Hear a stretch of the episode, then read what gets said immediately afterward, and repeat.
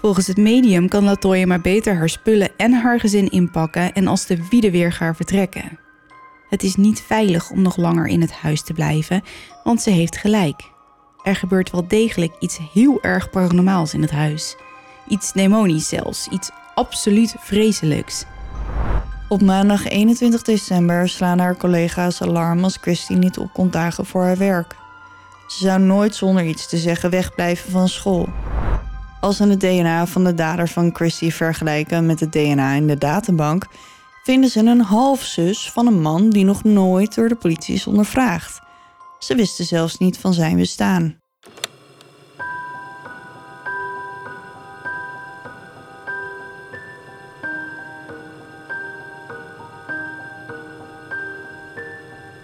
Dit is Duister.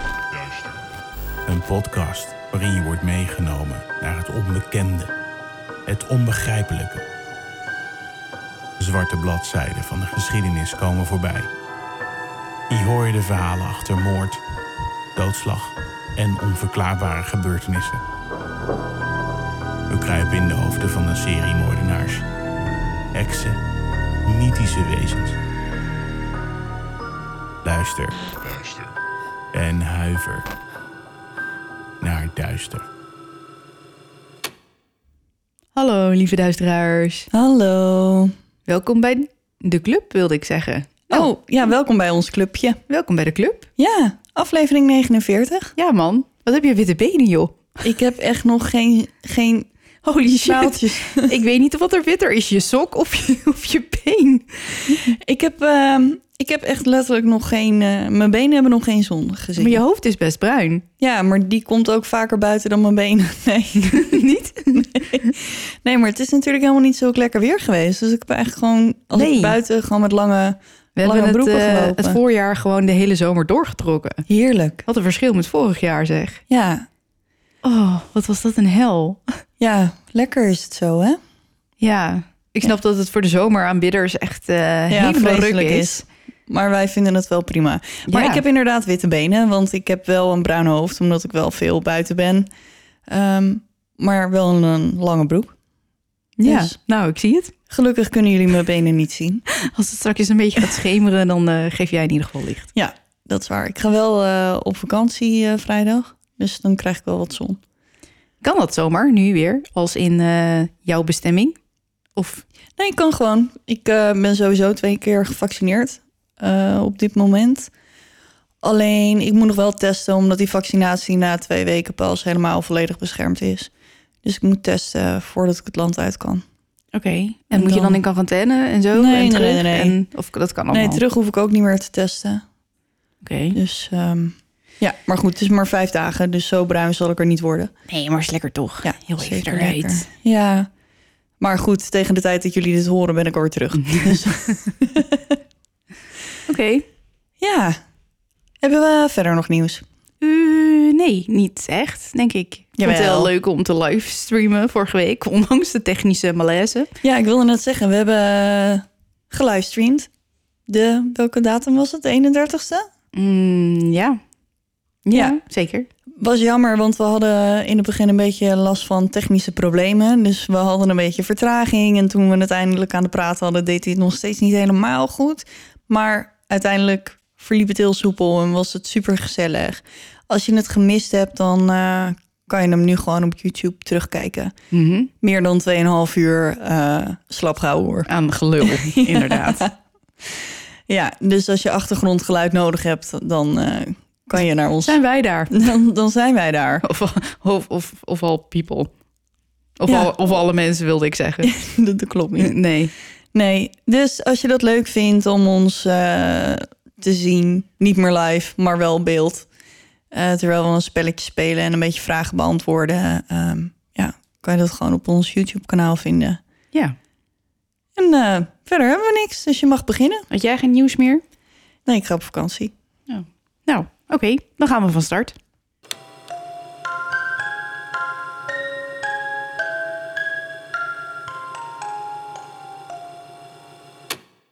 Dit verhaal staat al een tijd op mijn lijstje, maar omdat een van onze allerbeste vrienden echt heel dicht bij dit verhaal betrokken is, en ik niet al mijn informatie uit één bron wil halen, heb ik het steeds uitgesteld.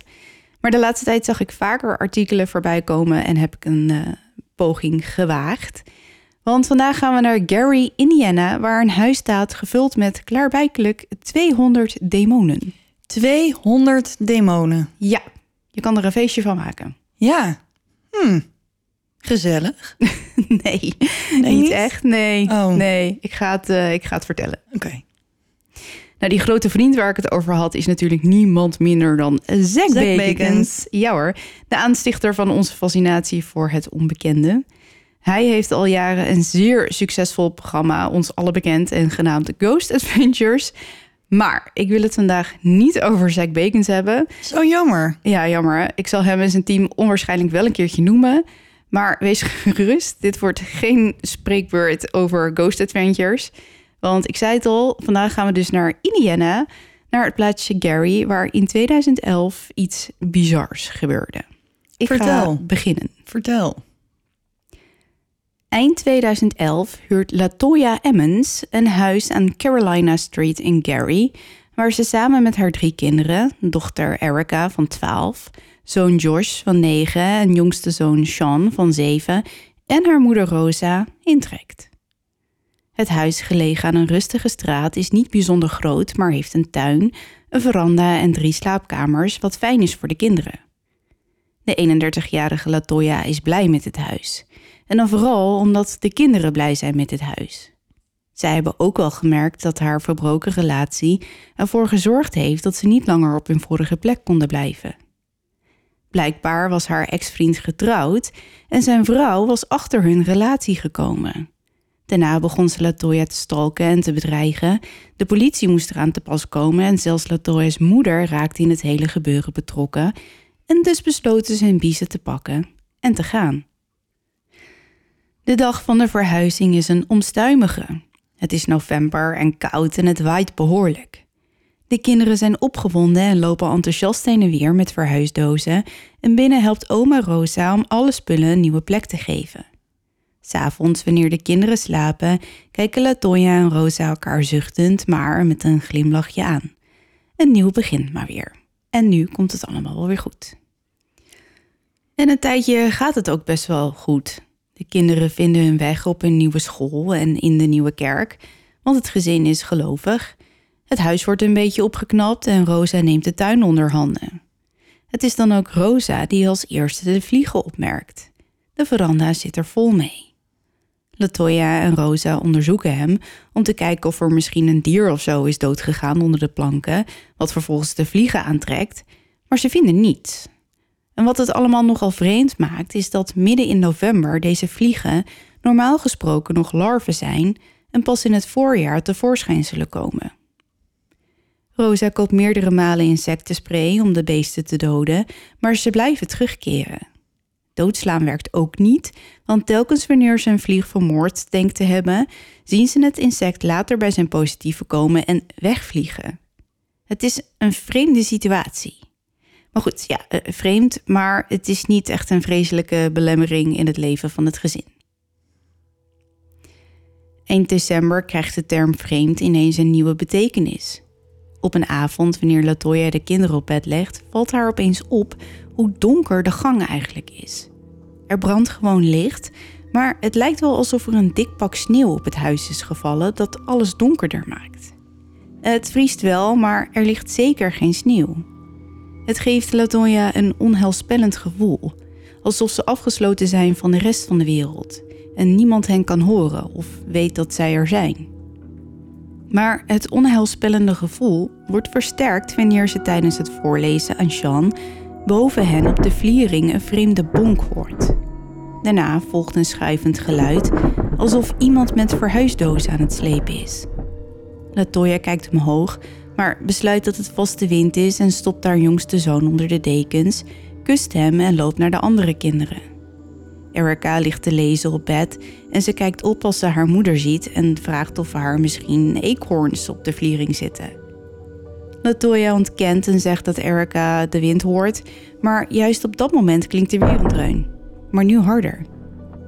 Snel kust Latoya haar dochter goedenacht en sluit de deur van haar kamer zachtjes, waarna ze naar de keuken loopt, het krukje haalt, terug naar de gang loopt en het onder het luik van de vliering zet. Voorzichtig gaat ze erop staan, duwt met haar handen de bovenkant van het luik open en zet een stap omhoog op het krukje. Nu kan ze met haar ogen net over de rand gluren. Ze staart in het duister en probeert te luisteren of ze iets hoort. Maar er gebeurt niets. Het blijft stil en Latoya besluit dat het echt alleen de wind moet zijn, schuift het luik weer op zijn plek, brengt het krukje terug en ploft naast haar moeder op de bank. Samen kijken ze een beetje televisie en eten wat chips. Het geluid van de tv staat niet hard en daardoor is de vreemde klik die uit de keuken komt niet te missen. Tegelijkertijd kijken Latoya en Rosa om. De deur naar de kelder staat open. Raar, want de deur is met een sleutel in het slot gedraaid, omdat er daar beneden voor de kinderen niets te zoeken valt. Een trap leidt naar een staalhoge ruimte waar nu alleen nog zand ligt.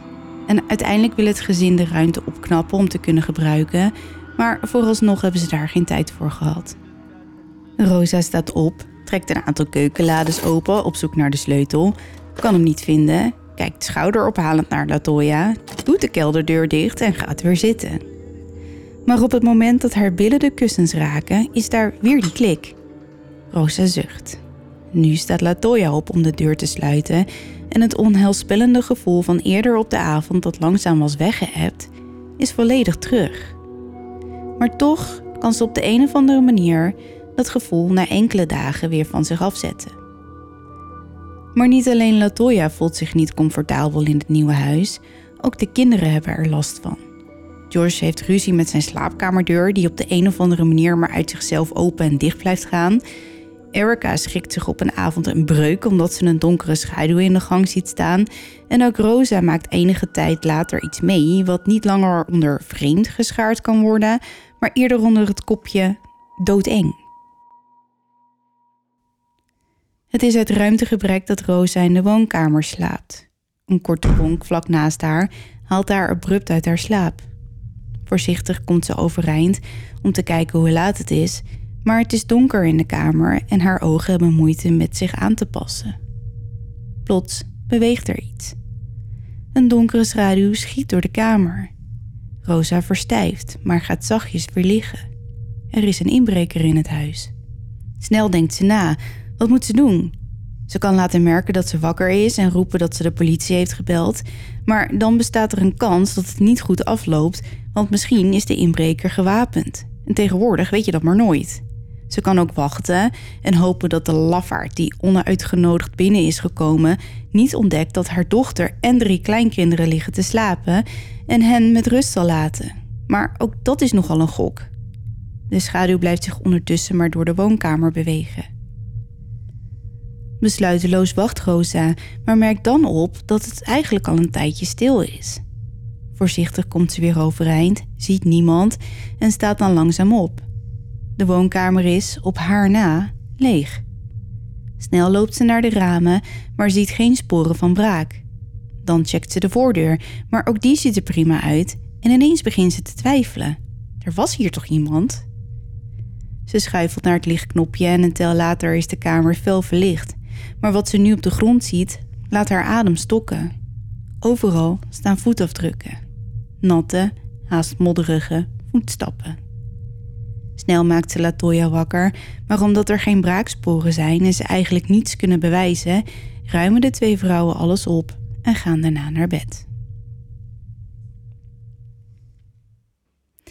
Na deze sinistere ervaring lijkt het wel alsof het huis een eigen wil heeft gekregen. Deuren slaan constant dicht, er klinkt geblaf van honden die er niet zijn. Telkens worden er bonken op de muren gehoord en de laatste tijd hoort het gezin ook voetstappen op de enige trap die het huis heeft, de keldertrap.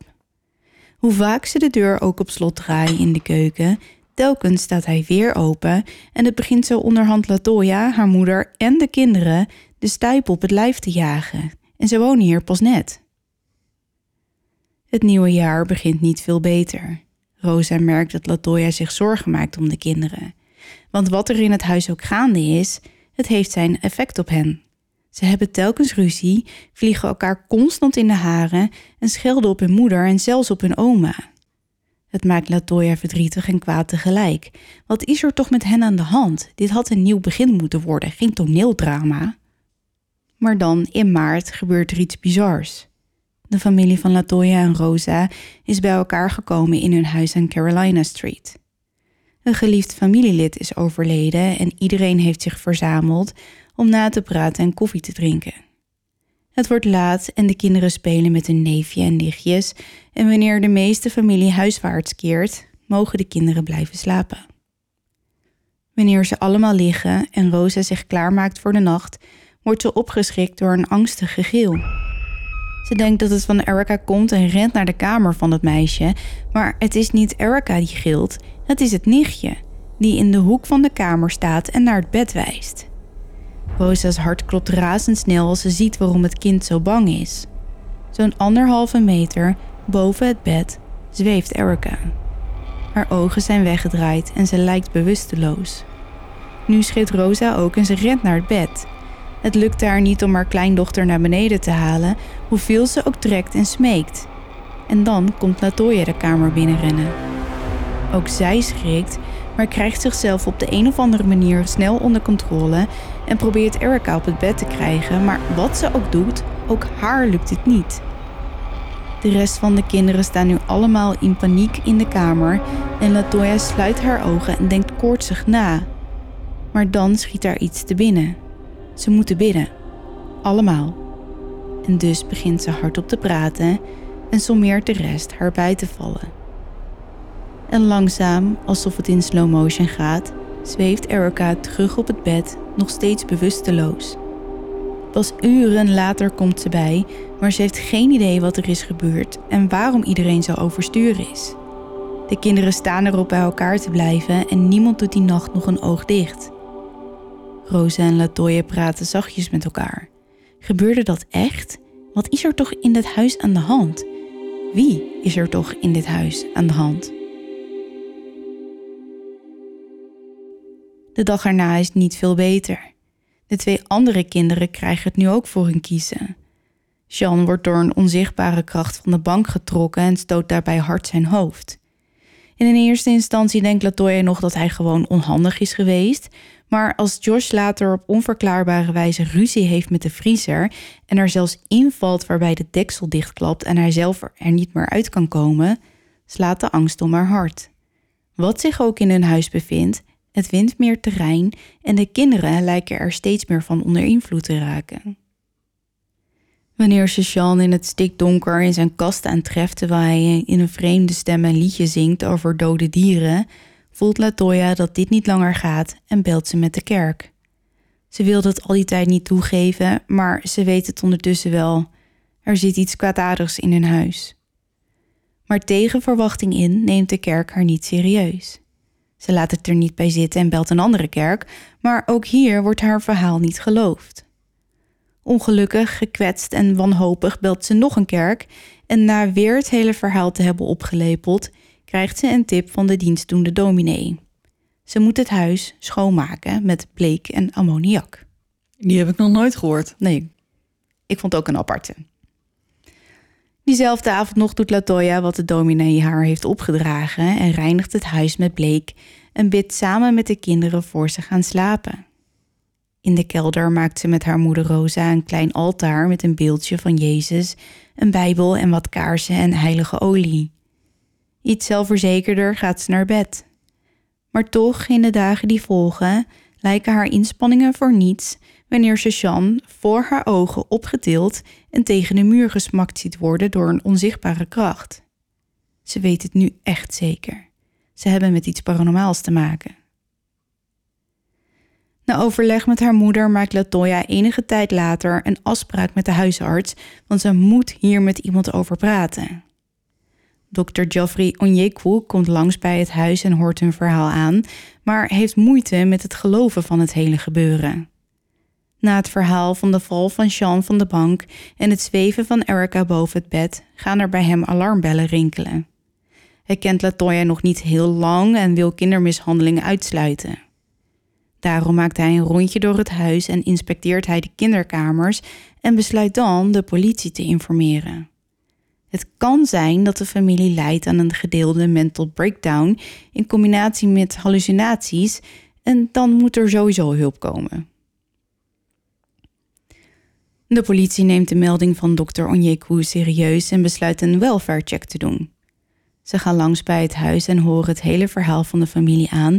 Maar wanneer Latoya vertelt dat Sean zijn hoofd heeft gestoten, is ook de politie niet blij met het verhaal en halen DCS erbij, oftewel de Department of Child Services, een dienst vergelijkbaar met de Nederlandse kinderbescherming. Vervolgens wordt DCS-medewerkster Valerie Washington gebeld om polshoogte te komen nemen. Ze arriveert rond het middaguur en tegen die tijd hebben al meerdere agenten zich bij het huis verzameld. De meningen onder hen zijn nogal verdeeld, wat een hectische situatie oplevert. Sommige agenten geloven Latoya en Rosa, en anderen denken zeker te weten dat de kinderen een toneelstukje opvoeren in opdracht van hun moeder, met als doel aandacht te krijgen voor dit bizarre verhaal. Valerie heeft echter wel vaker met dit beltje gehakt en werkt haar normale lijstje af. Kennismaken, huischecken, agentenspreker, psychiater regelen. Maar wanneer ze met Josh in gesprek wil, gebeurt er iets ongewoons. Ze stelt zich aan hem voor en Josh beantwoordt al haar vragen geduldig. Maar opeens verandert zijn houding tegenover haar. Hij begint haar af te snauwen en zijn stem klinkt vreemd laag. Valerie laat niks merken, maar wanneer Jos haar begint uit te schelden, fronst ze en zoekt ze oogcontact met een agent. Valerie vraagt of het goed gaat met de jongen, maar plots draaien zijn ogen weg en vliegt hij op haar af. Valerie slaakt een gil en de agent komt onmiddellijk in actie en grijpt het kind bij zijn middel. Maar voor iemand ook maar beseft wat er precies gebeurt, vliegt Josh uit de armen van de agent en smakt met een enorme dreun tegen de muur. Er ontstaat onmiddellijk paniek.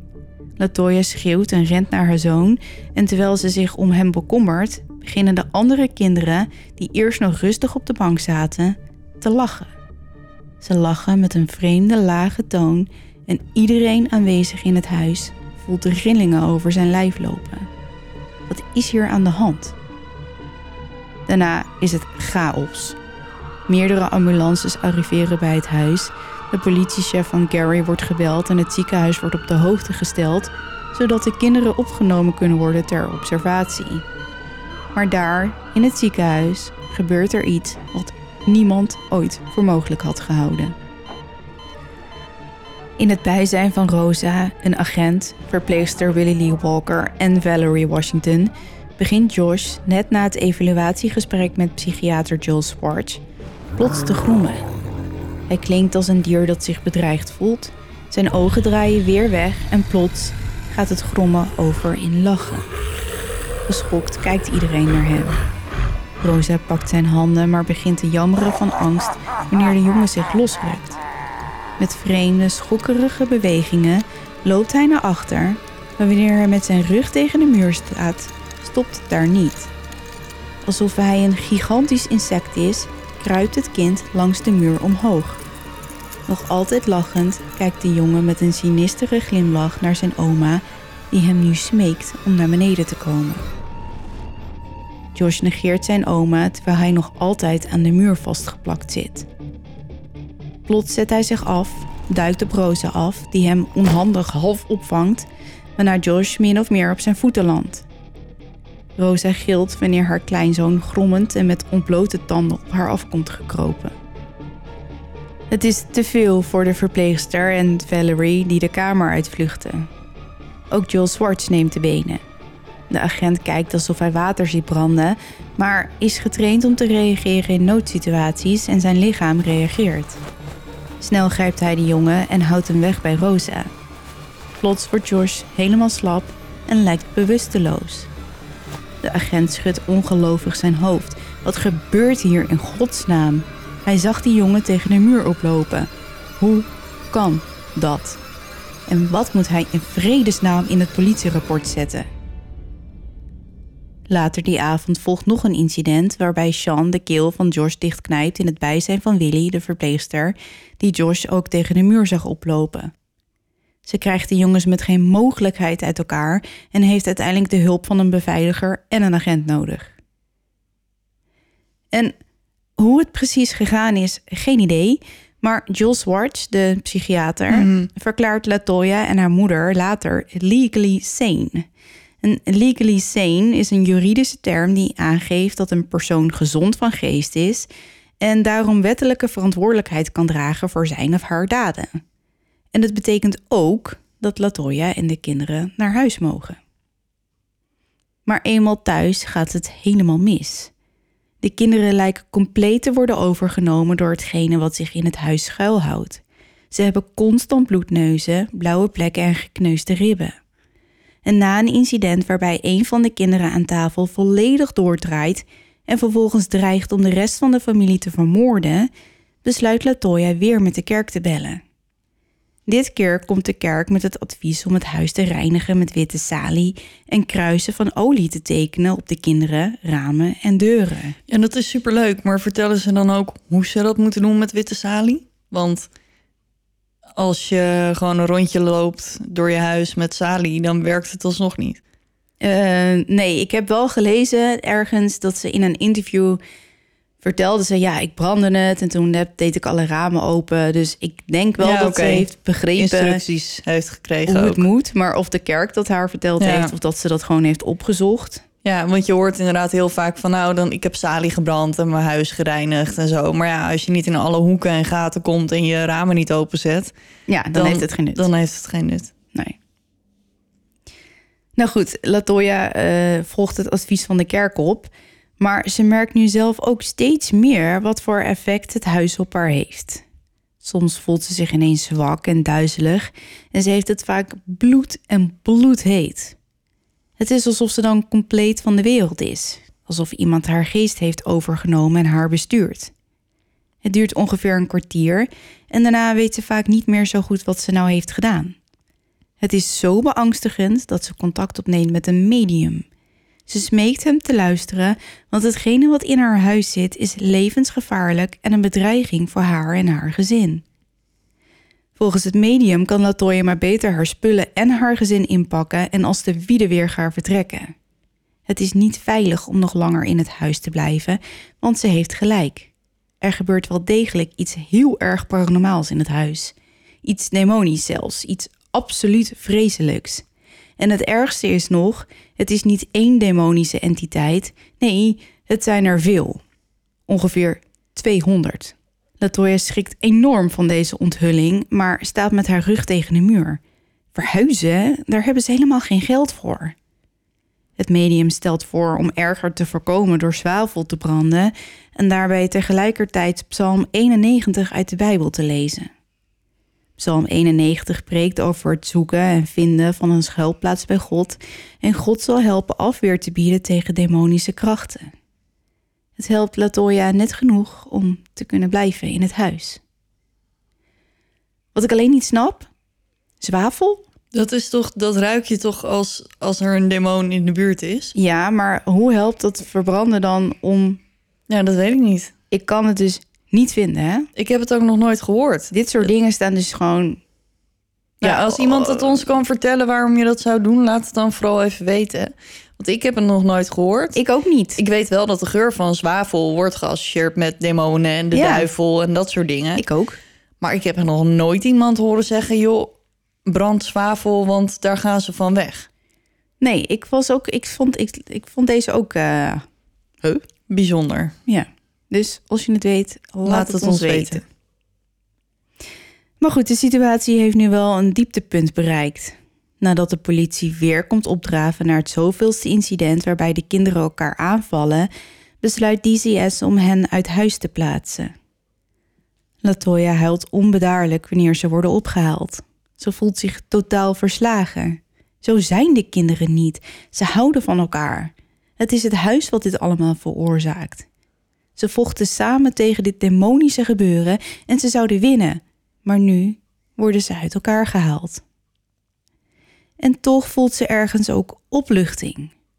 Opluchting omdat ze vreest voor de veiligheid van de kinderen. Ze heeft namelijk niemand durven vertellen over de donkere demonen met menselijke vormen die zich nu voor haar neus manifesteren. Ze ziet ze gewoon door het huis heen bewegen en dat maakt haar intens bang. Ik kan ik er niet kwalijk nemen. Nee. Rosa is erbij wanneer Erica en Josh worden opgehaald en naar het St. Joseph Carmelite Home in Chicago worden gebracht. Een noodopvang voor kinderen en mensen in acute psychische nood. We hebben hem gemist, jongens. Daar is hij weer, gelukkig. Ja. Ze zijn er nog niet, uh, we zijn nog niet uitgestorven. Nee. Jean wordt naar het Christian Haven in Wheatfield gestuurd om daar een psychische evaluatie te ondergaan. De arts daar, Stacy Wright, concludeert dat Jean zich tijdens hun gesprekken wel vreemd gedraagt, alsof hij onder invloed van iets is, maar hij is nog maar een kind. En het lijkt er niet op dat hij lijdt aan een mentale ziekte. En wat er nu gebeurt in dit verhaal is best apart. Hoe het precies gegaan is, of waar vandaan of wanneer, weet ik niet precies. Maar ergens in die weken wordt er door een kapelaan vanuit het ziekenhuis contact opgenomen met dominee Mike Maginot van de St. Stephen Martyr Church met het verzoek een exorcisme uit te voeren en wel op jongheer Sean Emmons. En meerdere professionals, agenten en verplegend personeel hebben het kind dingen zien doen die niet heel erg normaal zijn. Dus uh, wanneer die tijd heeft. maar dominee Mike geeft meteen aan dat hij voor een exorcisme toestemming heeft, uh, nodig heeft van de bisschop. En bisschop Deel Joseph Melchnek geeft die toestemming dezelfde dag nog. En ter voorbereiding op het exorcisme bezoekt de dominee Latoya en Rosa. Tijdens het gesprek dat ze voeren valt hem meerdere dingen op. De lichten gaan uit zichzelf aan en uit. De deuren lijken zich te kunnen openen en wanneer hij opstaat om te kijken waar die voetstappen toch vandaan komen, slaat plots de kelderdeur voor zijn neus dicht. Het geeft de arme man zowat een rolberoerte. Zo hard schokt hij. Dat zijn zijn eigen woorden. Ja, arme man. Ja. En hij merkt nog iets anders op. Latoya gedraagt zich tijdens het hele gesprek nogal vreemd. Soms lijkt ze even compleet van de wereld, brabbelt ze wat en draait haar ogen weg. Mike vermoedt dat zij waarschijnlijk ook bezeten is en wanneer hij een kruis tegen haar voorhoofd houdt, krijgt hij zijn bevestiging. Ze begint te jammeren en te stuiptrekken en dit is voor de dominee een uitgemaakte zaak. Er wordt besloten, nu de kinderen toch weg zijn, om eerst Latoya te helpen. Voorafgaand aan het exorcisme praat dominee Mike nog even met haar en vraagt haar hoe ze in het huis terechtgekomen zijn. Ze vertelt hem dat de verhuizing vanwege haar ex-vriend was, omdat hij getrouwd bleek te zijn terwijl zij een relatie hadden. Dominee Mike vraagt of ze meer wil vertellen over deze ellendige periode, want het is hem opgevallen dat de lichten zijn begonnen met knipperen. Latoya vertelt dat haar ex-vriend, toen ze hier net woonde, langs was gekomen met een nogal vulgair verzoek, waar ze niet op in was gegaan. Hij had haar met een ranzig lachje gevraagd of hij niet een onderbroek van haar mocht hebben. Godver. Als aandenken aan hun relatie. Ze had hem weggestuurd, maar hij was teruggekomen met geld voor de jongens, opdat ze zich goed zouden gedragen. En Latoya vond het allemaal nogal vreemd, want hij had hen nog eerder, nog nooit eerder geld gegeven en het was al uit tussen hun, dus waarom En hij nu komt hij in één keer met geld en... Ja. Ah, Oké. Vaag verhaal. En een paar dagen later had ze gemerkt dat ze een aantal persoonlijke items miste. Een familiefoto en een paar schoenen.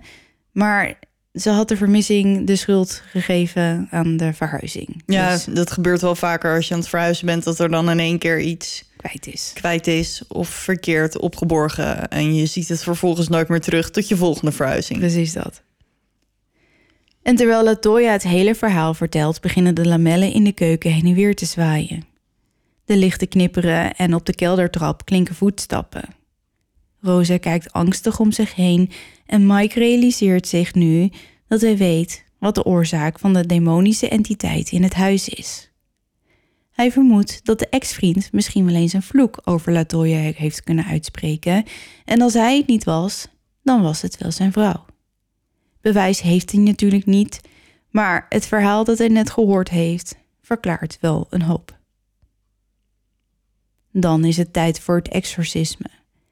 Dominee Mike zuivert het hele huis met wierook en heilig zout en daarna bidt hij samen met Latoya en haar moeder. Telkens wanneer hij de demonen gebiedt te vertrekken, begint Latoya te schokken en te trillen.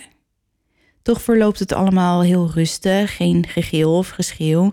Maar Latoya geeft wel aan hevige pijn in haar buik te voelen, vergelijkbaar met weeën.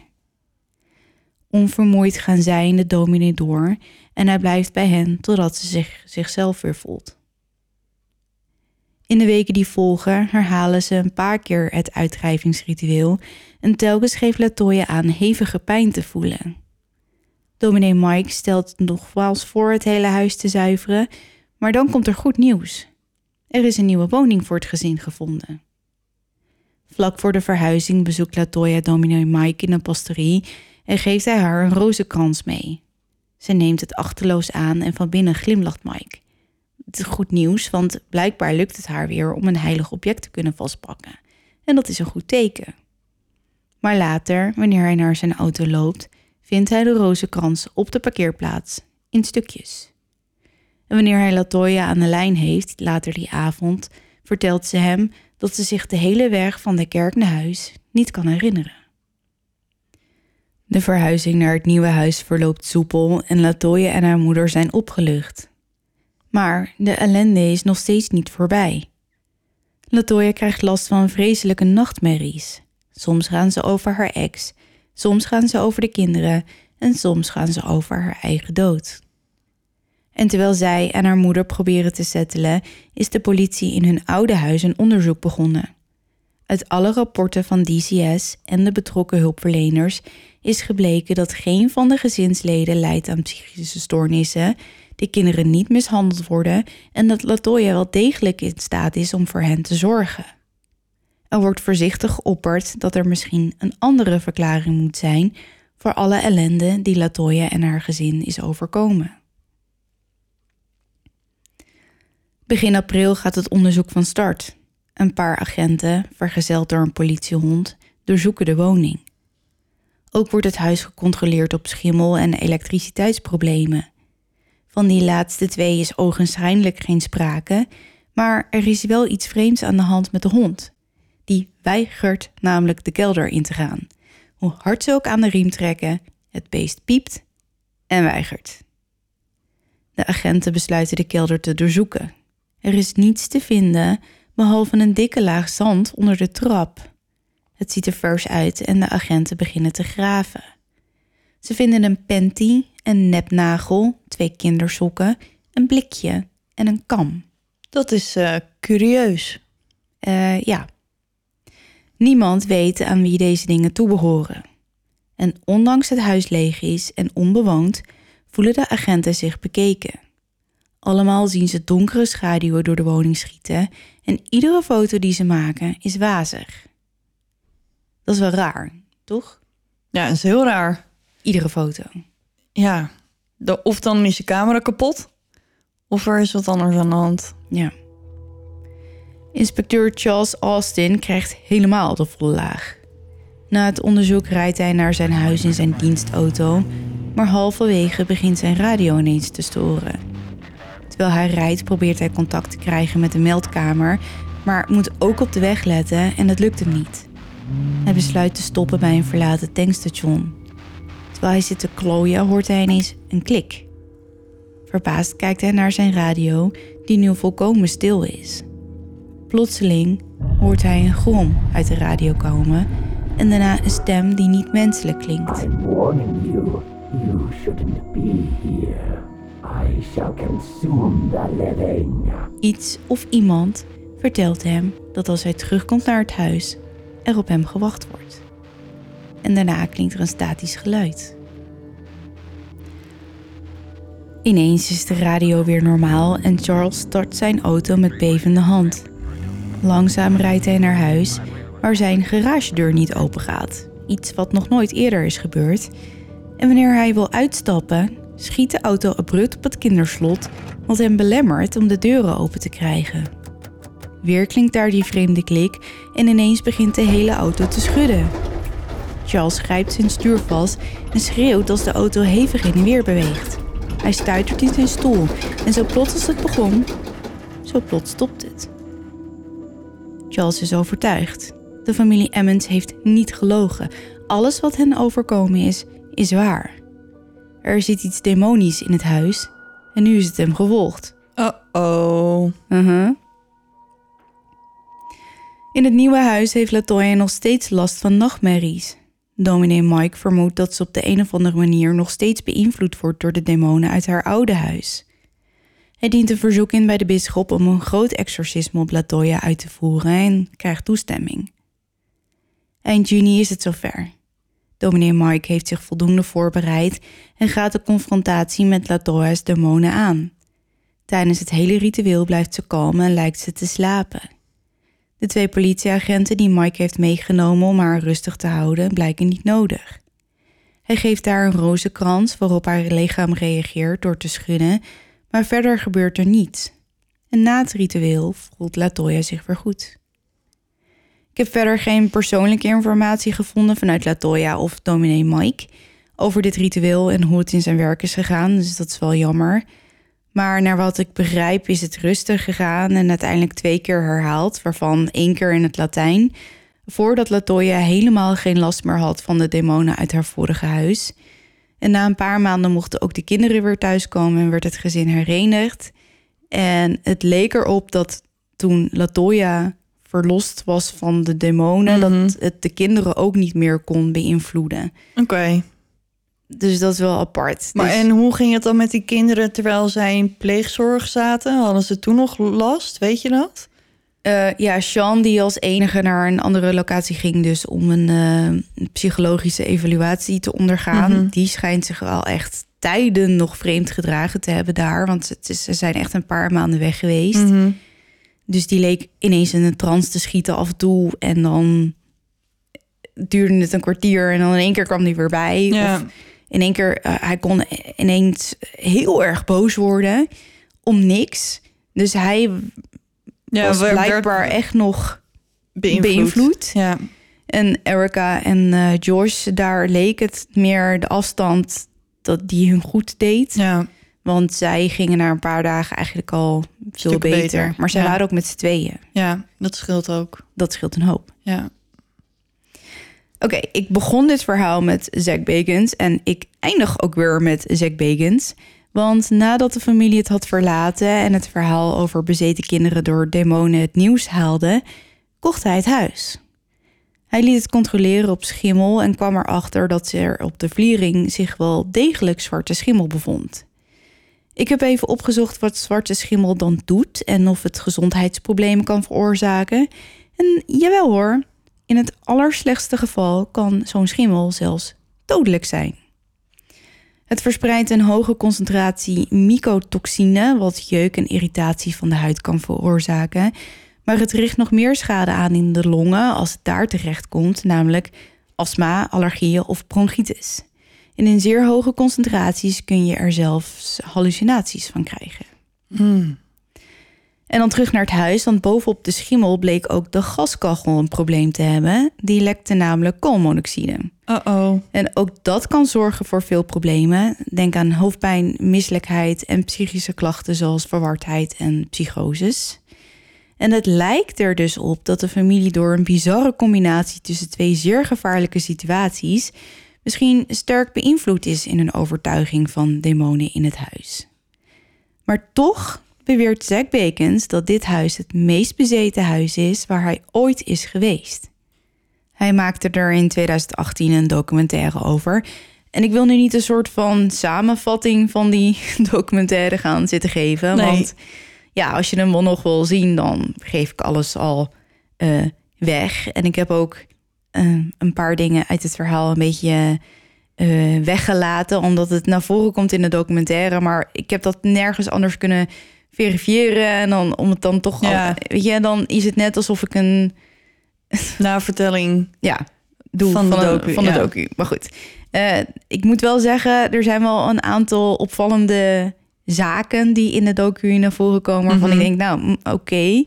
En ik ben soms wel eens een beetje sceptisch over Zack. Maar ik moet zeggen dat deze film, zoals hij het zelf noemt, eh, goed gemaakt is. Ik vond hem interessant en het liet me wel gewoon Twijfelen. ja, het nam me helemaal mee in het verhaal. En ik dacht inderdaad, hm, nou, oké. Eh, als laatste wil ik nog een paar bizarre feiten met je delen. Want dat vind ik toch wel apart dat dit gebeurde. Oké. Vertel. Ja, de agent die achtervolgd werd in zijn auto door wat hij denkt dat dus een demonische entiteit was, werd enkele maanden na het onderzoek in het huis neergeschoten, maar overleefde. Een crewlid uit het team van Zaak dat aanwezig was bij het, hun onderzoek werd later vermoord. Wat? Ja, de ex-vriend werd geconfronteerd door het team van Zack, maar ontkende alles. En zelfs dat hij een relatie had gehad met Latoya. En dat eh, komt volgens mij niet naar voren in de documentaire, maar heb ik wel in een ander interview gelezen. En een ander crewlid hoestte bloed op nadat hij het huis had bezocht en draaide later door in het hotel waar ze verbleven, schreeuwend dat hij terug wilde naar het huis. Oh. Ja, dus ze zeggen toch altijd dat als je in contact bent geweest met demonen en helemaal als ze je naar huis volgen, dat je daar langere tijd last van Mhm. kunt hebben. Ja. Nou, dat eh, lijkt me in dit verhaal wel duidelijk. Ja. En wat dus bijzonder is aan deze zaak, is dat hij dus super goed gedocumenteerd is door meerdere officiële overheidsdiensten, de politie, verplegend personeel, een psychiater, ehm, Jeugdzorg. jeugdzorg. Ehm, dat maakt het natuurlijk wel, Geloofwaardig. ja. Ja. En een grote filmproducent, laatste feitje, vond dat eh, schijnbaar ook en is bezig met de verfilming van dit verhaal. Oké, dus die kunnen we nog verwachten. Ja, uiteindelijk, ja, ik weet niet wanneer. Ooit. Maar Zack heeft toch uiteindelijk dit huis gesloopt? Ja, dat klopt, ja. Hij heeft het toen opgekocht, heeft daar zijn onderzoek gedaan. eh, en kwam tot de conclusie dat, het, dat zei ik al, dat hij dit het meest bezeten huis eh, vond waar hij ooit is geweest. Ja. En hij heeft het daarna laten slopen om eh, hij eh, niet wilde dat iemand anders nog eh, zou mee moeten maken wat Latoya en haar gezin meemaakte. Maar wat ik me dan afvraag, waar gaan al die demonen dan heen?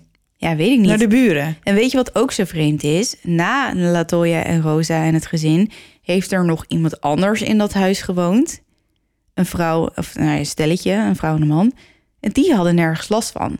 Alhoewel, de vrouw zei dat ze nergens last van had. De man was het daar niet helemaal mee eens. Oh. Dus, en de mensen die voor hen in dat huis woonden, die hadden ook nergens last van. Nee. Maar ja, als het wel de ex-vriend was of zijn vrouw die Ja. een vloek heeft uitgesproken over het gezin, Ja. dan kan het natuurlijk zijn dat degene die ervoor waren, die hadden sowieso al nergens last van. En degene die daarna kwamen, ja, Hadden alleen daar een was beetje het niet rest, op gericht. restenergie of zo. Ja, Maar en die vloek was ook niet voor hen. Dus Nee. Maar ja, dan hadden ze nog wel eh, last van de schimmel en de koolmonoxide Ja. vergiftiging. Dus dat ja, klinkt alsof het helemaal niet zo erg is dat het huis eh, weg is. weg is. Maar ik vraag Nee. me dan af, waar gaan, als er 200 demonen zitten, waar gaan die dan heen? Ja, Gaan ze dan in de buurt bivakeren? er zit een tentje op in de tuin. Ja, Nee, ik denk dat die gewoon verdwijnen. in een leelijn. Ja. Ja. Ja, ik, ja, dat denk ik wel. Die zullen vast wel. eh, Ik denk niet dat ze er blijven hangen. Ik weet niet hoe dat werkt. Nee, ik ook niet. Als iemand het weet, Ja, laat het ons even weten. Want daar ben ik wel benieuwd naar. ik zou vet graag een keer met een demonoloog of zo. En Hoe heet zo iemand in het Nederlands? Ja, een zo toch? demonoloog. Ja. Ja. Daar zou ik wel eh, een keer mee willen spreken. Hoe dat, niet omdat ik iets wil gaan ondernemen, maar ik ben gewoon interessant hoe dit soort Je dingen bent dan. interessant. Ja, Ja. ja, sorry. ik vind het gewoon interessant om te ontdekken hoe dan inderdaad zo'n vraag die jij nu stelt, wat gebeurt er dan als dat huis weggaat? Ja. Hoe dat dan Waar gaan ze verloopt? Ja. Ja. gaan ze terug naar de hel? Of ja, ik wilde net zeggen, gaan ze dan een terug naar de hel? bewustzijn? Ja, blijkbaar wel. Of ja, Ja. ja. En die zwavelvraag. Als iemand die kan beantwoorden, ben ik heel benieuwd naar. Ja, Want ik heb er wel. nog nooit van gehoord. Nee, ik ook niet. En ik heb het gedubbelcheckt, want ik lees al mijn artikelen en ik, ik heb natuurlijk de docu een beetje gebruikt en eh, meerdere interviews met dominee Mike gelezen. Dus ik heb driedubbel gecheckt van bedoelen ze, bedoelen ze ook echt zwavel? Ja. Want er staat wel sulfur, maar misschien bedoelen ze wel iets anders. Maar nee, er, er moest echt zwavel gebrand worden. Hm. En hoe dan? Doe je dat dan in een kommetje? Of is het poeder? Of ja, of ga je dan Of- net als met Sali door het hele huis Ja. heen? Doe je dat in je open haard? in de vuurkorf? geen idee. Nee. Zoveel vragen. Maar goed, jongens, sorry dat ik er allemaal geen antwoorden op heb. Maar ik weet het gewoon niet. Nee. En op een gegeven moment, als je gaat zoeken en je komt op vreemde sites terecht. En op een gegeven moment gaat dan bij mij ook een beetje de rem erop dat ik denk: oké, ik ga hier niet verder eh, op in of zo. Ik weet niet. Dan, dan, dan kom ik op te, te rare sites uit. en dan denk ik, nou, laat maar. Ja, Oh. ik weet niet of iemand anders er ook last van heeft, maar op een gegeven moment dan denk ik nee. Nee? nee, nee. Oké. Nou, zal ik dan maar beginnen? Jij denkt daar anders over, begrijp ik? Ja, Volgende keer stuur ik ze naar je door, oké? ja, is goed. Dan ga ik wel Als ik er echt op maar ben je dan bang dat er iets dat je iets over jezelf afroept? Ja. Je, ja. Ja, dan denk ik echt... eh, ik, ik hoef dit allemaal niet te weten, want voor hetzelfde geld eh, zit ik er straks middenin. Niet. Nee, dan ben ik hier eh, het demonenhuis. Nou, mooi niet. Ja. Nou, zal ik dan maar gewoon beginnen? ja, doe maar. Oké. Voordat ik mezelf eens compleet voor gek zet. Ja, lijkt me een goed plan. ik ga beginnen. Geef me even de pen. Oh, ja.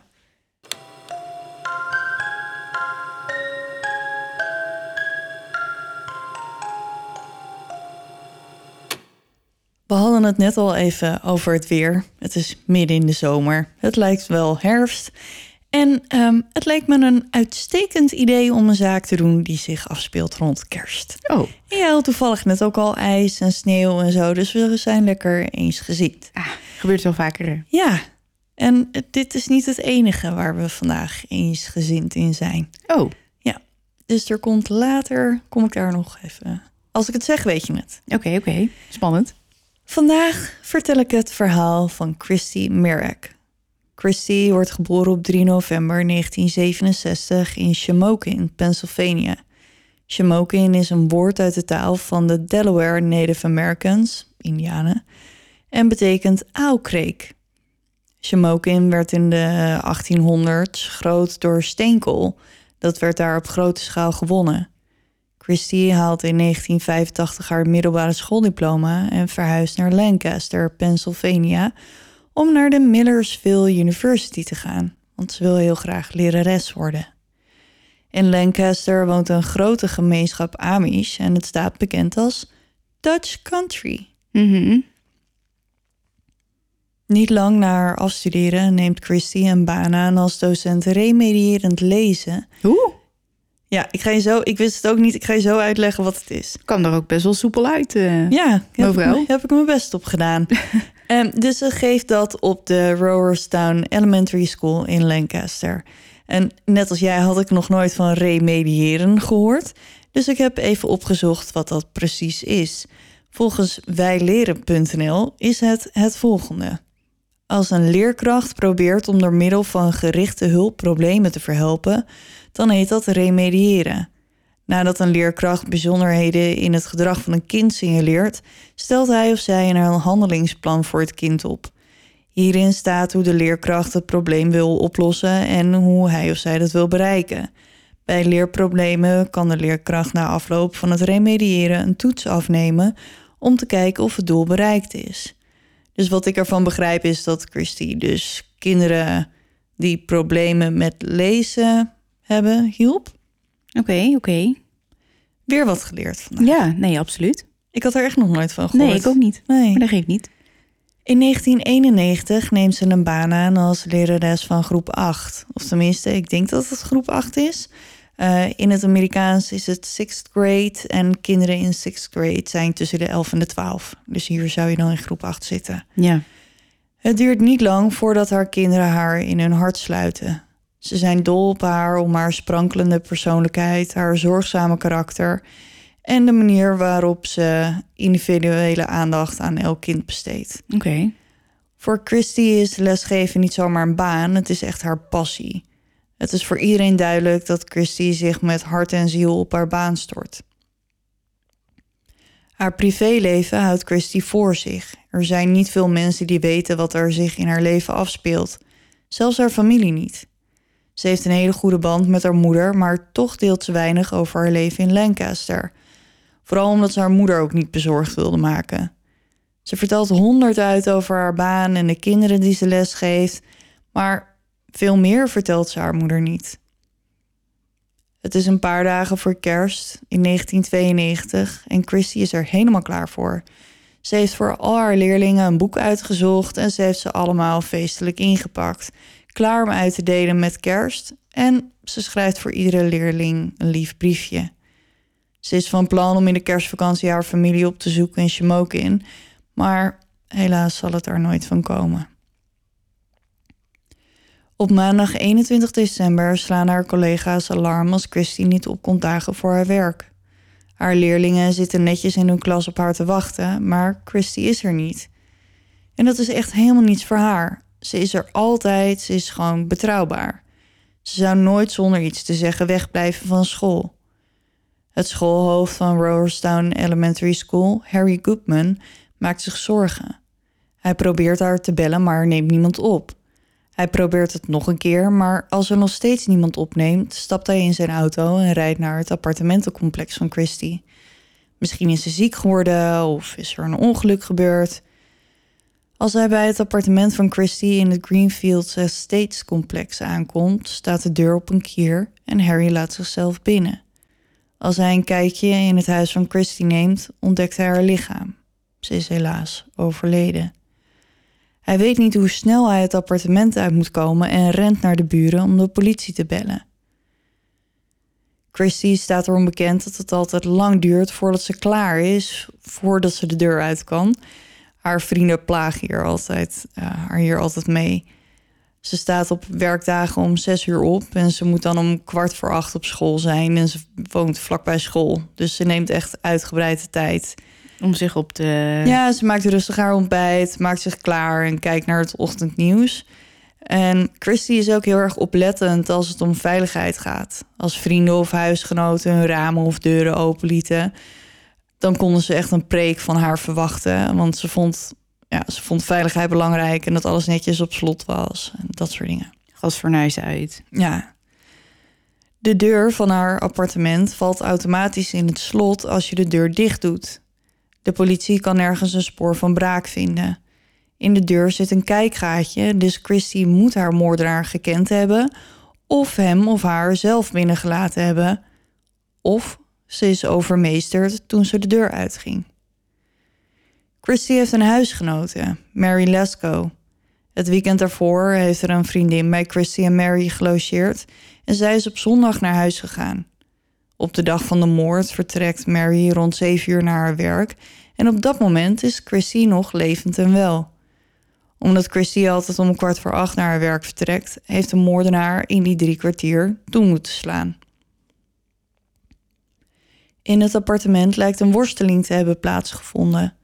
De kerstcadeautjes voor haar leerlingen, die ze zo zorgvuldig had ingepakt, liggen verspreid over de vloer. In het begin van het onderzoek wil de politie niet zeggen of Christy seksueel misbruikt is. Later kwam naar buiten dat dat wel het geval was en dat ze is gewurgd met haar eigen trui. Naast dat ze gewurgd is, is ze ook in haar gezicht en hals geslagen. Naast haar lichaam werd een houten snijplank gevonden, waarvan de politie denkt dat ze het gebruikt heeft om zichzelf te verdedigen, als een soort van schild of om mee te slaan. En waarschijnlijk is deze snijplank uiteindelijk tegen haar gebruikt. Ze heeft in ieder geval wel teruggevochten. De politie wilde ook niet zeggen hoe erg haar verwondingen waren, maar tijdens de begrafenis ligt Christy in een gesloten kist. Dit kan erop wijzen dat haar gezicht er zo erg aan toe was dat de familie besloten heeft de kist gesloten te houden. Maar waarom zou de politie zulke details niet willen delen? Um, omdat sommige dingen, als je een verdachte ondervraagt, is het natuurlijk prettig als je dingen achter de hand hebt die het publiek niet weet, maar die alleen de moordenaar wel weet. Oh ja, dat, Want, uh, dat klinkt logisch. Ja, bijvoorbeeld. Ja. Naarmate het onderzoek vordert, komt er meer informatie naar buiten. Christy werd inderdaad seksueel misbruikt, zoals ik net al zei, maar toen ze gevonden werd, droeg ze haar jas en handschoenen. Haar schoenen, broek en onderbroek waren uitgetrokken. Haar bovenkleding was omhoog geschoven. Later komt ook naar buiten dat Christy zo hard geslagen is dat haar hele gezicht vervormd werd. De buren van Christy, waar schoolhoofd Harry naartoe rent als hij haar gevonden heeft, herinneren zich dat hij riep: Haar gezicht, haar gezicht. Christy werd met een stomp voorwerp in haar nek, borst en rug geslagen en haar kaak is gebroken. Op haar lijf wordt op verschillende plekken sperma gevonden en ook onder haar lichaam in de vloerbedekking vinden ze sperma. De politie neemt monsters als bewijs en slaat alles op. In de loop van de tijd worden er verschillende mensen ondervraagd over de moord op Christie. Sommigen ondergaan een leugendetectortest, maar niemand is eigenlijk echt verdacht. Harry, het schoolhoofd, heeft natuurlijk haar lichaam gevonden, dus de politie neemt hem extra onder de loep. Maar ook hij is niet de persoon die ze zoeken. Er is nog een andere man waar de politie hun oog op laat vallen. Een getrouwde man, 20 jaar ouder dan Christy, waarmee ze eerder dat jaar had gedate. Er wordt een DNA-test gedaan, maar het DNA komt niet overeen met het sperma dat werd gevonden op plaats delict. Ook hij is niet een moordenaar. De politie gaat op zoek naar ooggetuigen, maar kunnen er niet zoveel vinden. Er is iemand die een man met een medium grote auto heeft zien parkeren in de straat tegenover Christie's appartement. De man loopt rond 7 uur naar haar complex, maar meer details geeft de ooggetuige niet. Op dit moment in het onderzoek zegt de politie in een statement dat ze, als de man niet zelf naar voren komt, ervan uitgaan dat hij iets met de moord op Christie te maken heeft. De man kon zich nooit melden. Maar wacht even, dat is ook lekker. Dus als je nu niet komt, dan word je van moord beschuldigd. Misschien was hij wel op visite bij zijn moeder. Ja, maar ja, dan moet hij dus naar de politie toe gaan en zeggen: Yo, ik was daar, want ik was op visite bij mijn moeder. Ja, maar dat is toch ook gewoon... Je hebt daar toch ook gewoon recht op om dat niet te willen doen? Ja, dat lijkt me ook. Ik, had het ook. ik vond het ook een beetje een rare move. Maar Oké, ja, ik snap wel dat ze... ja, misschien was het wel de klusjesman ik- van de ik buren. denk ook ja. wel dat de meeste mensen dan denken... Oh ja, Jezus, ja, natuurlijk kom ik me melden. Ja. Maar dat hoef je niet te doen. Maar oké. Nee. Ja, ja oké. ja. Oké. op nieuwjaarsdag 1993 kondigt de politie aan dat ze op zoek zijn naar een gespierde witte man met een witte auto. Een Dodge Shadow cabriolet uit 1993, een Dodge Daytona IS uit 1990 of een Toyota. Oh, Dus de keuze is reuze. er zijn meerdere getuigen die met deze beschrijving zijn gekomen. Rond deze tijd is de politie bezig met het verkorten van hun lijst verdachten. Ze brengen een tekening van een verdachte naar buiten. Het is een tekening gemaakt aan de hand van de beschrijving van een buurvrouw van Christy die langs haar eh, was gelopen op de ochtend van de moord. Dus die mevrouw en die meneer die waren elkaar tegengekomen. oké. Het gaat om een eh, man, eind 20, tussen de 100 en de 113 kilo, Wow. gedrongen, gespierd, lang sliertig bruin haar, glad geschoren, diep liggende ogen en hij droeg een blauw, wit, zwart shirt en een blauwe spijkerbroek. Dat zijn een hoop details voor iemand die je passeert op straat. Ja, vond ik ook wel, ja. Wel knap. Ik heb vanmiddag boodschappen gedaan, maar ik zou niet eens weten hoe de cashier eruit ziet. Eh, nou, stom toevallig was ik gisteren echt heel erg boos op iemand. Ja, dat Eh, hoorde ik. Dat ja. was een verhaal voor een andere keer. En toen dacht ik dus later, als ik die vrouw vandaag weer tegenkom, hè, ga ik haar dan herkennen? En toen dacht ik, ja, ze was blond, ze had echt knalblauwe ogen, maar ze droeg natuurlijk een mondkapje. Maar ze had een witte bodywarmer en echt rode schoenen. Toen dacht ik, nou, ik kom dus best wel aan end. Ja. Ja, nee, en ik zit over die cashier van vanmiddag na te denken, maar ik kan me haar wel haar haarkleur voor de geest halen. Ja, dus Ja, blijkbaar sla blijft wel toch meer hangen dan dat je in de eerste instantie denkt. denkt. Ja.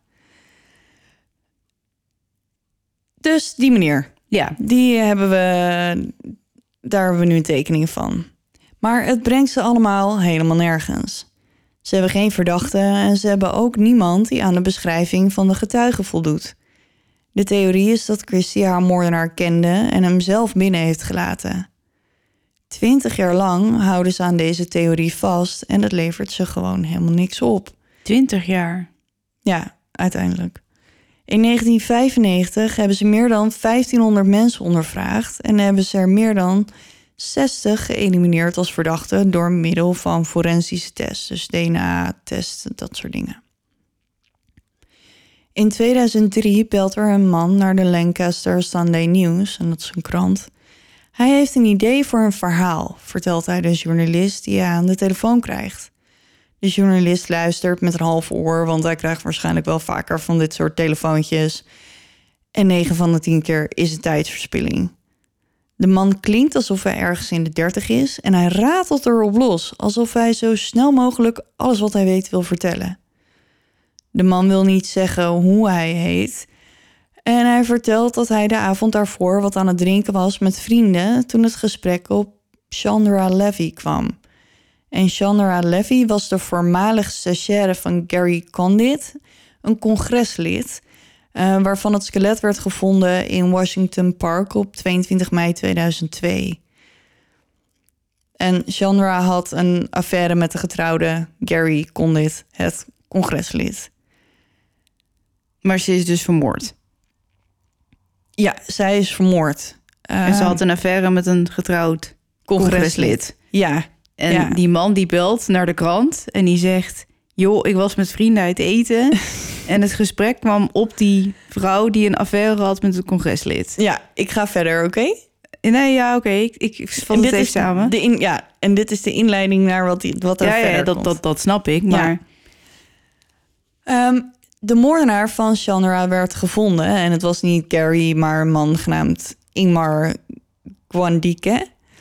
Ehm, maar de man aan de telefoon stelt voor dat de Lancaster Sunday News een verhaal schrijft over vrouwen zoals zij. Want De zaakjes. vrouwen... Maar bedoelt hij dan dood? Of... Nee, vrouwen die veel relaties hebben en een dubbel leven leiden waar niemand iets van weet. Ja, ja. En eigenlijk zegt hij dus gewoon dat het een sloerie was. Een sloerie? Ja, want ze had een affaire. Ja, en- dat snap ik, maar het woord sloerie heb ik echt al zo lang niet gehoord. Oh. Heb ik dat? Volgens mij heb ik dat wel vaker gebruikt in mijn verhalen. Oh. nou ja, goed. Maar de man begint dus over Christy. Ehm, op het moment dat die man belt, is het over zeven maanden. De dood van Christy is dan tien jaar geleden. De man zegt dat hij de broer van Christy, Vince, kent... en dat er bij het huis van de Merricks een schuur staat... waar Christy mannen mee naartoe nam. Vince verklaart later dat er helemaal geen schuur op het land van de Merricks staat. Maar oké. Maar op dat moment spitst de journalist zijn oren. De anonieme man zegt nogmaals dat hij een stuk over vrouwen zoals zij moet schrijven. Als de journalist vraagt wat de beller daarmee bedoelt, spreekt de man zich denigrerend over haar uit en noemt haar gewoon zo'n beetje een slet.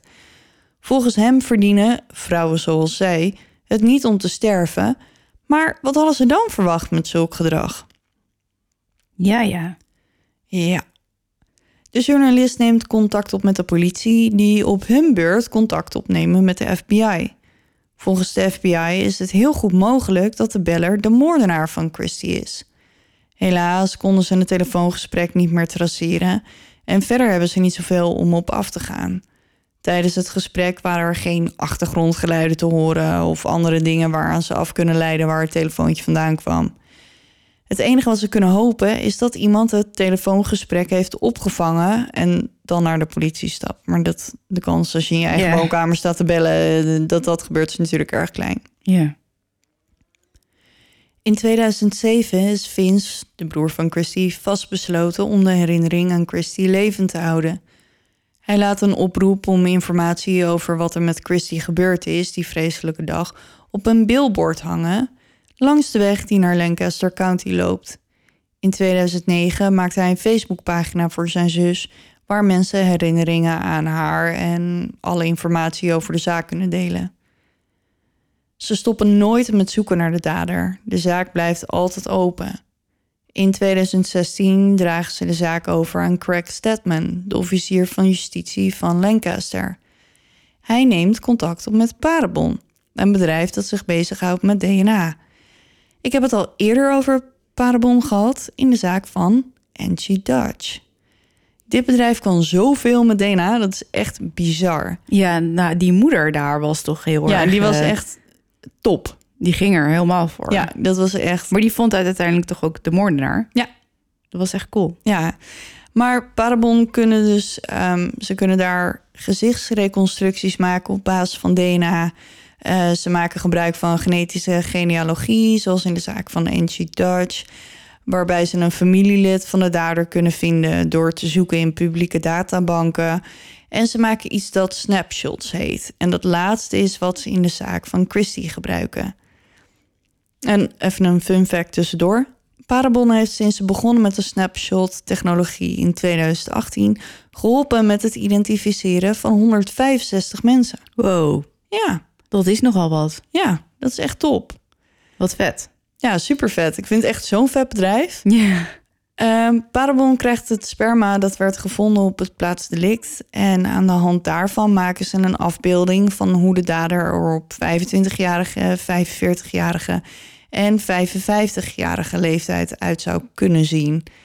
De politie verspreidde de afbeelding, wel met de kanttekening dat het een schatting is en geen feit.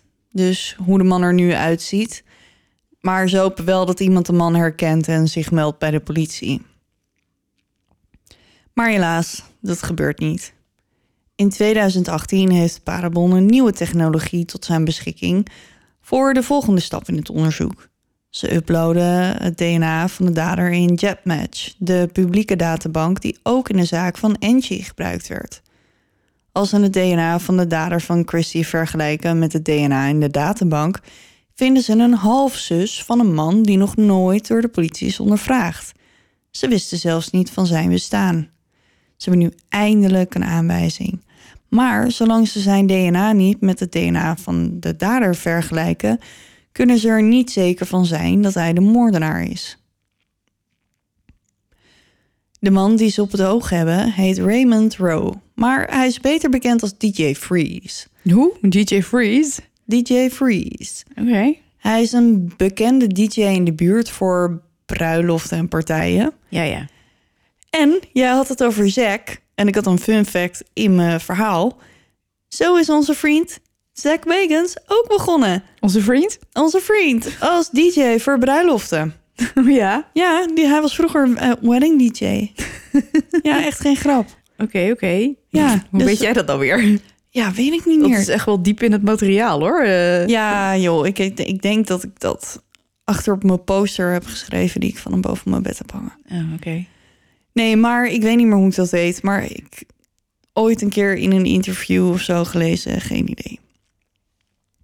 Maar Raymond ehm, is dan wel DJ voor bruiloft en partijen. Hij schijnt ook gedj te hebben voor Paris Hilton, Brooke Hogan... en op evenementen waar Sting en de Eagles speelden. Oké. Mooi lijstje. Ja, ze hebben geen DNA van Raymond. Hij heeft dat nooit af hoeven staan, dus ze moeten op een andere manier aan zijn DNA komen. Ze gaan er niet om vragen, want ze willen hem natuurlijk geen kans geven om op de vlucht te slaan, dus ze bedenken een plan. Agenten van de Pennsylvania State Police gaan undercover op een schoolfeest waar Raymond aan het DJ is. Wat de hel. Ja, ik zie ook een soort van. van die mannen in pak tussen de schoolkinderen. eh, Als een soort van. met zonnebrillen en oortjes. En alsof er. Nou, geen idee. Ik Ja. zag dat helemaal voor me. Oh, ze verkleden zich als tieners, maar dan Oh ja, dat net geen tieners, weet Ja, je wel. dat Met een je- pruik en een petje ja, zo'n petje achterstevoren, want het is hip. en een oorbel. Echt. En dat iedereen denkt, wie zijn deze gasten? Ja, er is toch zo'n film met Channing Tatum die dat, ehm, dat die politieagent is en dan gaat hij undercover op een middelbare school. Ja, Ik heb geen idee. ik weet de titel niet, maar in ieder geval zo zie ik dat dus helemaal voor me. Ja. Ze volgen hem met haviksogen en ze zien dat hij kauwgom aan het kauwen is en uit een flesje water drinkt. Als hij aan het eind van de avond zijn kauwgom en flesje weggooit, zijn de agenten er als de kippen bij om zijn afval uit de prullenbak te vissen. Maar dat mag je toch niet gebruiken als bewijs? Jawel. Nee. Want hij gooit het weg in een publieke ruimte. Christus, Ze mogen mag het je niet- het dan Ja. gebruiken? Ja. Maar, maar als hij geen toestemming geeft voor een mondswap, zeg maar, met zo'n Mhm. eh, wattenstaafje in je wang. ja, dan had hij zijn vuilnis mee naar huis moeten nemen. Ja. Oké. Ja, ik ben blij dat je iemand op deze manier Nee, weet achter je de wat het tralies kan krijgen voor moord. Maar het is natuurlijk wel een beetje... Ja, dan moet ik wel even denken wat het, wat het, of het klopt wat ik zeg. Maar ik weet niet of ze het als bewijs bewijs. Want mm, Volgens mij mag je het gebruiken om aan te tonen dat iemand het was. Maar mag je niet zeggen, door dit ja, kan hij worden veroordeeld. Je moet ander bewijs vinden. ja, maar dit is dan wel zodat ze zeker weten dat ze de juiste persoon Ja. hebben. Maar dan moeten ze inderdaad nog een mondswap of zo. Ja, Ehm, ik heb deze kennis even op dit moment niet helemaal paraat. Maar in ieder geval, het is in ieder geval legaal wat ze doen. Laten we het daarop houden. ja precies. Ze sturen zijn DNA op om het te vergelijken met dat van de dader. En nou ja, je raadt het al, het is een match. Raymond Rowe is de moordenaar van Christy. De kans dat het niet zijn DNA is, maar dat van iemand anders, is 1 op de 200 octiljoen. Holy shit. En ik moest dus even opzoeken. Hoeveel wat- nullen dat zijn? Ja, een octiljoen heeft 48 nullen. Er is dus geen twijfel mogelijk. Nee. Want nou ja, dat bestaat gewoon niet. Dus ze hebben eindelijk hun man gevonden. Nu ze weten waar ze moeten zoeken, gaan ze op zoek naar andere bewijzen om Raymond aan de zaak te linken. Ze vinden een parkeerboete uit 1991 waaruit blijkt dat Raymond in een Toyota Celica reed. Deze auto lijkt op wat ooggetuigen beschreven, de auto die ze hebben gezien op de dag dat Christy overleed.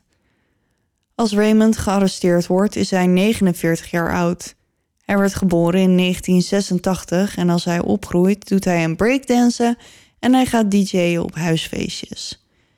Hij ging naar de McCaskey High School, maar haalt nooit zijn diploma. In 1988, als hij 19 jaar oud is, trouwt hij voor de eerste keer. Hij is 15 jaar lang de huis-DJ van de Comedian Club en in 1992 heeft Raymond een nieuwe verloofde. Want hij scheidt in september 1993 van zijn eerste vrouw. Raymond organiseert in 1992, een paar maanden voor de moord, een anti-geweld evenement. Om vervolgens dus iemand te vermoorden. Dat is toch ongelooflijk? Ja, geen idee. In 1996 brengt hij een tijdje in Chili door, waar hij DJ't voor toeristen. Als hij een jaar later terugkomt in Lancaster, opent hij een winkel en hij begint daar ook een DJ-school. In 1998 scheidt hij van zijn tweede vrouw, maar trouwt in 2000 alweer met zijn derde vrouw. Ik weet niet hoe hij het doet. Ik kan niet eens een vriend vinden, laat staan drie mensen die met me willen trouwen.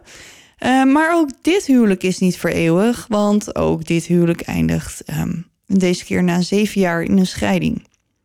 Nou ja, blijkbaar vinden ze het allemaal toch niet zo heel fijn op lange termijn met deze Ja. man. Nee, Dus ja, zal wel uh, een onmogelijk figuur zijn. maar eh, liever dat je hem van hem scheidt dan dat je Ja. eh, dood op de vloer eindigt. Daarom, eh. ja. Raymond heeft één keer eerder met de politie te maken gehad. De Chameleon Club werd overvallen door politie op zoek naar minderjarige drinkers. En Raymond werd wanordelijk gedrag en verzet tegen zijn arrestatie ten laste gelegd. In 2003 klaagde hij Lancaster County en wetshandhavers aan. Hij claimt ernstige verwondingen aan zijn arrestatie over te hebben gehouden, aan zijn hoofd en aan zijn voeten. Hij wilde graag meer dan 150.000 dollar compensatie van de staat. En uiteindelijk wordt de zaak afgewezen. Jammer joh. In 2014 trouwt Raymond met zijn vierde vrouw. Jezus. Wie had dat gedacht? En als hij voor de moord op Christy gearresteerd wordt, is hij nog steeds met haar getrouwd. Na zijn arrestatie ontkent Raymond in de eerste instantie. Hij zegt ehm, dat hij wel eens van de zaak gehoord heeft. En tijdens de rechtszaak verontschuldigt hij zich halfslachtig tegenover Christie's familie, terwijl hij met een tissue tegen zijn oog zit te drukken. Zo van, oh, zo zielig. Ik moet huilen. Oké. Hij vertelt verder nooit wat over een moord. Het is niet eens duidelijk of Christy en hij elkaar kenden, bijvoorbeeld. Er zijn wel aanwijzingen dat, eh, die daarop wijzen. Zo werkte Raymond bijvoorbeeld in 1992 bij een bedrijf bij Christy in de straat. Dus hij is waarschijnlijk honderden keren langs haar huis heen en weer gereden op weg naar zijn werk. Het kan zijn dat zijn oog toen op Christy is gevallen terwijl ze aan het zonnebaden was samen met haar huisgenoot Mary. Het is ook mogelijk dat Christy en Raymond elkaar uit de Chameleon Club kennen. In haar portemonnee werd een kaartje voor de club gevonden. Als dat het geval is, is het alsnog niet duidelijk of ze elkaar kenden of dat Raymond haar gespot heeft in de club, haar ooit gevolgd is en haar vervolgens heeft aangevallen. Het komt nooit tot een rechtszaak met een jury. Hij sluit een deal zodat hij niet voor een jury hoeft te verschijnen om zijn familie en die van Christy de details aan de moord te besparen. Ze leggen Raymond moord, verkrachting, gedwongen afwijkende geslachtsgemeenschap. En ik weet niet helemaal of ik dat goed vertaald heb, want ik had er nog nooit van gehoord. Maar volgens mij komt het erop neer, want ze is natuurlijk verkracht, maar ze is ook op verschillende manieren seksueel misbruikt. Oké. Dus ik denk dat dat het is. Uh, ze leggen hem ook inbraak ten laste en hij pleit schuldig aan alles. De broer van Christy, Vince, spreekt tijdens de rechtszaak tegen Raymond. Hij zegt het volgende. Ik heb gezocht naar wie zoiets gruwelijks kon doen. Die iemand zoiets afschuwelijks kan aandoen en zonder spijt kan weglopen. Nu weet ik wie.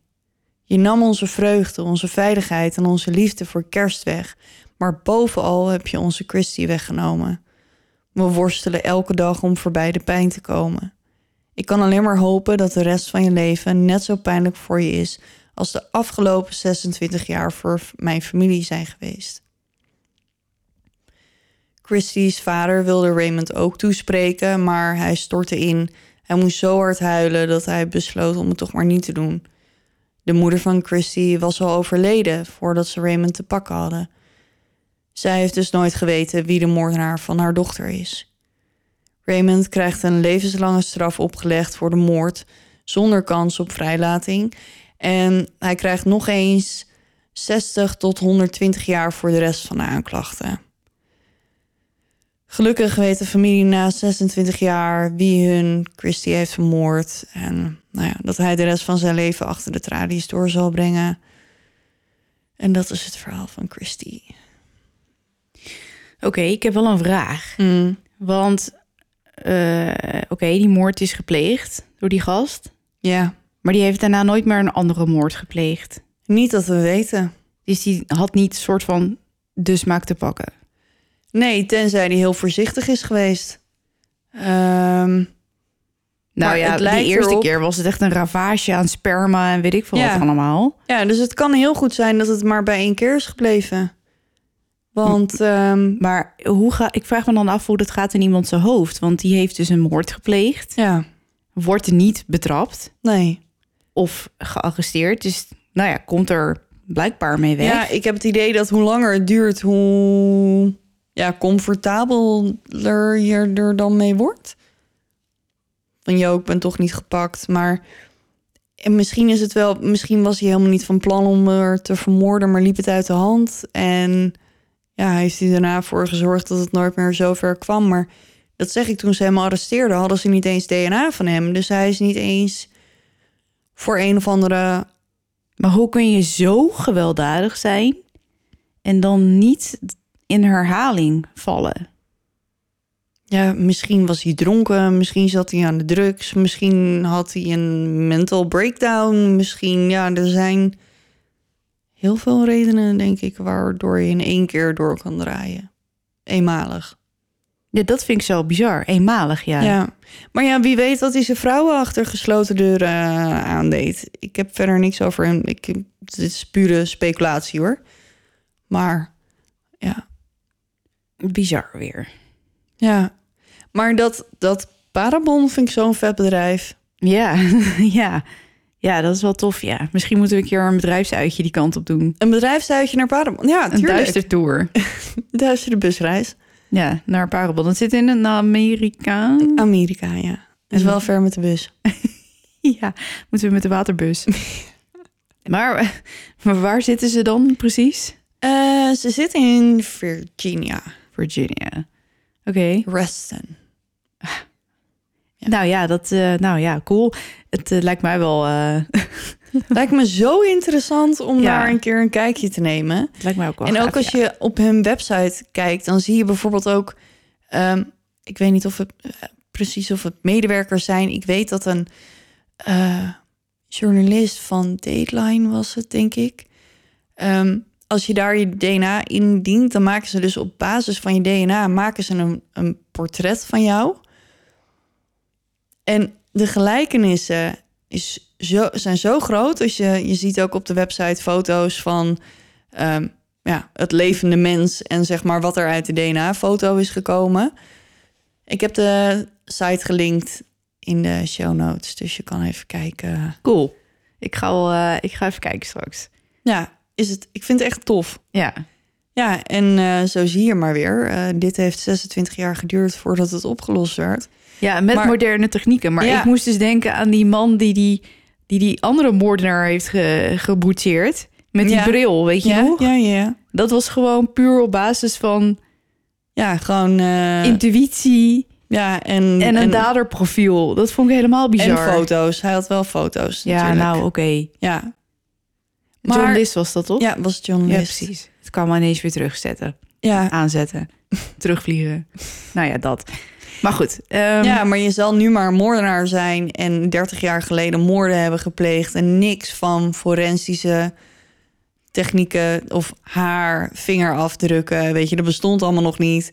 En nu in één keer zijn je achterkleinkinderen of je kleinkinderen die zijn hun DNA aan het uploaden naar JetMatch of eh, willekeurige andere DNA-sites omdat ze het leuk vinden om een stamboom te maken en te kijken Ja. of ze misschien lang verloren familie kunnen vinden. Ehm, ja, maar joh, zometeen voor je het weet sta je, staan ze bij je voor de deur. Ik vind Ja. dat zoiets tofs. Ik hoop echt dat die mensen slechter slapen. ja, dat hoop ik. Ik hoop sowieso dat ze natuurlijk al die tijd al heel slecht hebben geslapen. Maar als je nu weet wat er met technologie mogelijk is... Hmm, er worden in één keer wel heel veel zaken opgelost... die eh, heel lang onopgelost zijn gebleven. Het nadeel is alleen dat het allemaal zoveel geld kost. Dus het is gewoon niet zo makkelijk om al je cold cases naar Parabond te sturen... en te zeggen, yo, doe dit maar even. Want het kost wel gewoon echt heel veel geld. Nee, en soms moet er ook gewoon iets zijn wat de zaak ineens weer een setje geeft Ja. voordat zoiets in, Wat was dat? Mijn enkel knakte. Oh, ik dacht, het is je demon. Ik word overgenomen. Je zei net al dat je het bloed en bloed heet had. Daar had ik het net ook al keer. over. Ja, Nou goed, eh, misschien is het tijd om ermee te gaan stoppen. ja. Want eh, We moeten ons klaarmaken voor de volgende aflevering. ja man, de special. De Eh, special. Daar is hij dan. Daar is hij eindelijk. We roepen het al. Negen afleveringen. hij, dat hij er bijna aankomt. Maar nu is hij er echt En we bijna. hebben geen idee wat we gaan doen. Nee. nee. Nee, dus als je nog een idee hebt, laat het vooral even weten. Ja, maar snel graag een beetje. Want ja want we moeten, we moeten wel een beetje opschieten. daarom. Ja. Nou, goed. Eh, jongens, super bedankt voor het luisteren. Ja, en als jullie dus weten hoe dat zit met zwavel en wat er gebeurt als een huis gesloopt wordt, dan eh, Met kan de je demonen, hè? dat met Want- de demonen, Ja, niet ja. met het huis, want dat wordt gewoon afgevoerd. Eh, dan kan je dat tweeten naar het spook. Ja, hij zit eh, boven op Twitter tegenwoordig. Hij zit boven op Twitter of bovenop Twitter. Bovenop Twitter. Oké, ja. Dus eh, boven op Twitter. ja, hij zit nu toevallig ook boven. Dus ik dacht, ja, nou, hij zit boven op Twitter. Oké. Nee, bovenop Twitter. Ja, dus dat is eh, dus eh Ja, het duister spook, vindt hij leuk. Ja, het Duisterpot. Instagram is eh Duistere Podcast. Jezus, Kimberly. hey, het ging de afgelopen tijd echt heel goed, ja. En nu zit je me te onderbreken. We hebben Facebook, eh facebook.com slash Duistere Podcast. Daar vind je ook onze Duister Club, onze privégroep. Daar kan je je voor aanmelden. Superleuk, accepteer even de regels. Je kan ons ehm, invulformulier invullen op de website duisterepodcast.nl. Daar vind je ook de show notes en foto's. Nou, we zijn er. Het is een lange dag geweest. Dus eh, nogmaals, iedereen bedankt voor het luisteren. Tot over twee weken. En onthoud, blijf in het licht. Want je weet nooit wat er in het duister op je wacht.